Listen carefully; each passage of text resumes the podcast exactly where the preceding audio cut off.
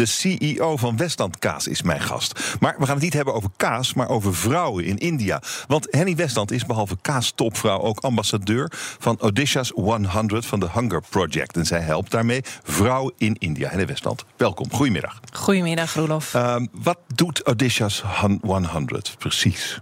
Odisha is een van de armste provincies in India. En wij helpen vrouwen die zijn verkozen in dorpsraden om hun stem beter te laten gelden in de dorpsraad, zodat ze daarmee de meeste impact kunnen bereiken in hun dorp met ah. de doelen die ze willen bereiken. Oké, okay. uh, het is op zich al verrassend dat er vrouwen in dorpsraden in India zitten, want ik dacht dat dat een heel erg uh, door mannen gedomineerde samenleving was, zeker op platteland. Nou, het grote voordeel van India is dat het een democratie is en alle landen omringend zijn niet democratisch. En door die democratie is er een grondwet gekomen in 1992. En die verplicht dat er 50% vrouwen in dorpsraden moeten zitten. Stel je voor dat dat in Nederland zou gebeuren, hè? met de gemeenteraadsverkiezingen. ja. ja. En uh, dat, dat is er dus al jarenlang. Maar die vrouwen die tellen natuurlijk helemaal in India niet mee.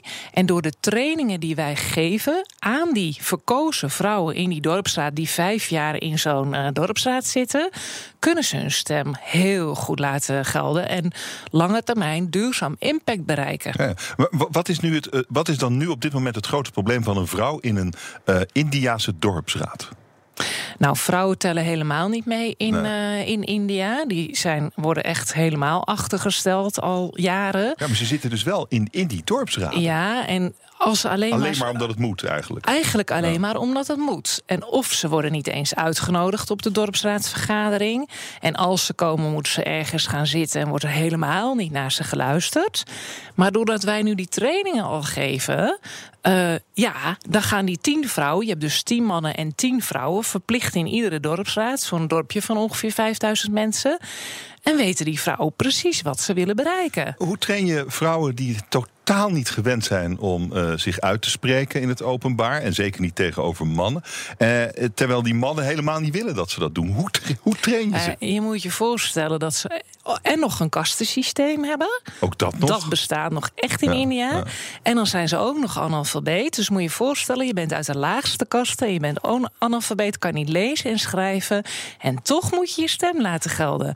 En hoe wij ze dan trainen, want ze kunnen niet schrijven... maar ze kunnen wel een tekeningetje maken op een gekleurd kaartje... van wat zijn nou jouw grootste issues in jouw dorp.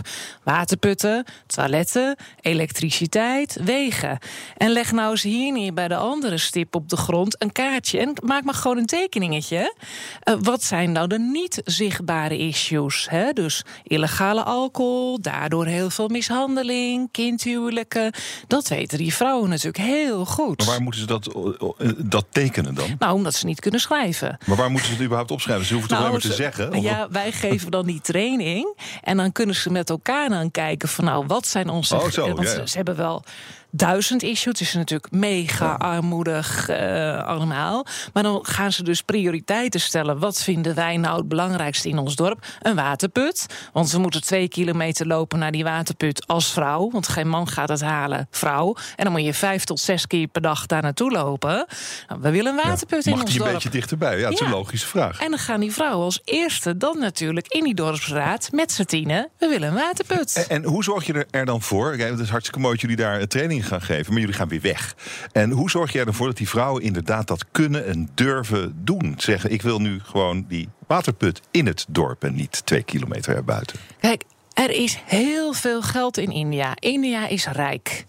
Maar je moet alleen zorgen dat je die subsidiepotjes van alles en nog wat, bijvoorbeeld voor een waterput, of toiletten of elektriciteit, dat is er allemaal. Of voeding, eten, hè, rijst voor één uh, roepie. Je moet wel dat subsidiepotje zien te bereiken via dat mega corrupte systeem mm -hmm. in India.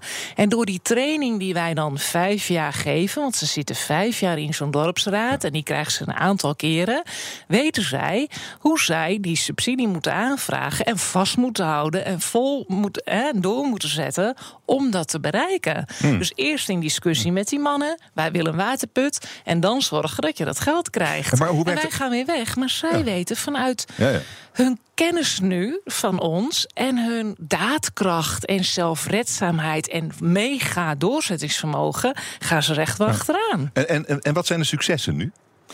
Ehm, wij hebben dus heel veel dorpjes nu pas met een groep van investeerders uh, bezocht. En dan gaan we eerst in gesprek met de vrouwen. En daarna leiden ze ons rond in het dorpje en laten ze zien wat ze hebben bereikt. Nou, als voorbeeld, wij liepen, uh, wij liepen in een van die dorpjes. En uh, daar hadden ze vier huisjes. Ja, wat is een huis? Het is een soort hokje waar wij de fietsen in zetten. Hmm. En dan een weduwvrouw trok ons aan de mouw naar binnen. Van kijk eens, zo blij. En ze drukt op een knopje en daar ging in het plafond een peertje aan en een stralende witte glimlach. Ze heeft een huis, ze heeft een dak, ze heeft een elektriciteit. En dat hebben die vrouwen, dus wij niet, hè? Wij hebben er niks aan gedaan. Die vrouwen van het dorp stonden dus buiten, big smile, trots te glimlachen. Voor vier weduwen in hun dorp mhm. hebben ze dat geregeld, die anders aan de kant van de weg zouden leven. Dat, dat maakt je echt wel verschil. Ja, en dan zijn die vrouwen dus heel trots wat ze in die hele korte tijd hebben bereikt. Want ze zijn in 2017 verkozen. Wij hebben ze nu getraind. En dan krijgen ze dit al voor elkaar. En ook twee waterputten geslagen. En uh, wij, ze zeiden tegen ons: Ja, we zijn zo trots dat we een trap hebben naar de vijver dacht, wat moet je nou met een trap? Maar ja, toen zagen we in dat dorpje... ja, ze hebben daar een vijvertje eh, waarin het hele dorp zich was. Ja, die ligt 10 meter naar beneden. Ze hebben vier maanden per jaar een moesson met die regen. Dan jullie natuurlijk zo die vijver in. En dat is dan om, en dat is om vijf uur s'nachts. Want de vrouwen mogen alleen maar baden in het donker... als de mannen hen niet zien. Dus hebben ze een trappetje gemaakt. Nou, hele pragmatische dingen. Interessant. En, uh, maar, dan, uh, maar u bent dan investeerder. U gaat niet die trainingen geven. Ja, wij zijn, of ook wel? Uh, nee, want het wordt echt. India heeft hele verschillende talen ook nog. Dus het wordt met een lokale die die, dus, die, die, taal ja, spreekt. U bent investeren en, en, en, daar staat Auditions 100 ook voor, toch? voor 100 investeerders. Ja, 100 investeerders. En we hebben er nu 20. En we zijn met een groep van okay. investeerders. En het leuke is dat allemaal heeft een dochter of zoon of nicht ook meegenomen op reis. Omdat we dachten, laten we die ook maar meteen de andere kant van de maatschappij laten zien. En dat ze eens wat goed doen. Dus we zijn met investeerders op reis geweest. En eigenlijk zeiden die tegen mij: Henny, wij geloofden jou op je blauwe ogen. En we geloofden in de impact van de Hunger Project, omdat 85% van het geld gaat naar het goede doel. In vergelijking met andere goede doelen is dat maar 40 of 50%. Maar echt, wij hebben de impact nummer 1. Maar zeiden ze, nu kijken we met eigen ogen in die passievolle ogen van die krachtige Indiaanse vrouwen die zo graag vooruit willen. En nu begrijpen we het pas. Dus dat ook met het elkaar op reis gaan, dus met, je in, met de investeerders en daarover je eigen zaken praten in je issues. En tegelijkertijd ga je op bezoek bij die vrouwen in zo'n dorpje. Die combinatie was ook echt heel mooi. Um, maar uh, eh, 20 investeerders, ja, nog 80 erbij ja, dus. Waarom, waar, waarom is dat nog niet al lang echt, zo? Roelof, het moet ook dit jaar gebeuren. Ah. Want ze hebben vijf jaar zitten ze in zo'n dorpsraad. Ze zitten nu in hun tweede jaar. Dus dan kunnen wij ze nog al die tijd trainen en begeleiden. Dus dit jaar reken ik toch echt wel op nog 80 erbij. Ja, maar is, is, gaat het om grote bedragen als je investeerder wil worden bij Odysseus 100? Nou, het is 5000 euro per jaar maal uh, vijf jaar. Hè, de hele nou, verkiezing. Uh, de helft kan je aftrekken. En je kan het ook nog met een groepje doen tegelijkertijd. Dus nou, ja. dat valt wel mee. Koop je. Ja. uh, en, want dit gaat over vrouwen. Maar wat voor effect heeft het op de man in die dorpen? Ja, die mannen die hadden natuurlijk eerst voor het zeggen. Uh, en ze hoeft helemaal niet naar die vrouwen te luisteren. En nu schrikken ze een beetje ervan. Want het is niet één vrouw die iets zegt. Maar in die training hebben zij zich natuurlijk voorbereid. En ze weten welke issues zij het belangrijkste vinden. Dus dan komen ze als groep. Nou, beste mannen, en die mannen zijn vaak nog gewoon individueel. Wij hebben erover nagedacht. We willen een waterput en we willen 25 eh, wc's in ons dorp. En we willen dit en dit regelen. Ja, de meeste mannen zeggen dan. Oké. ja, mevrouw. Hartelijk dank eh, voor dit verhaal. Henny Westland, ambassadeur van Auditions 100 en ook directeur van Westland Kaas. Dank je zeer.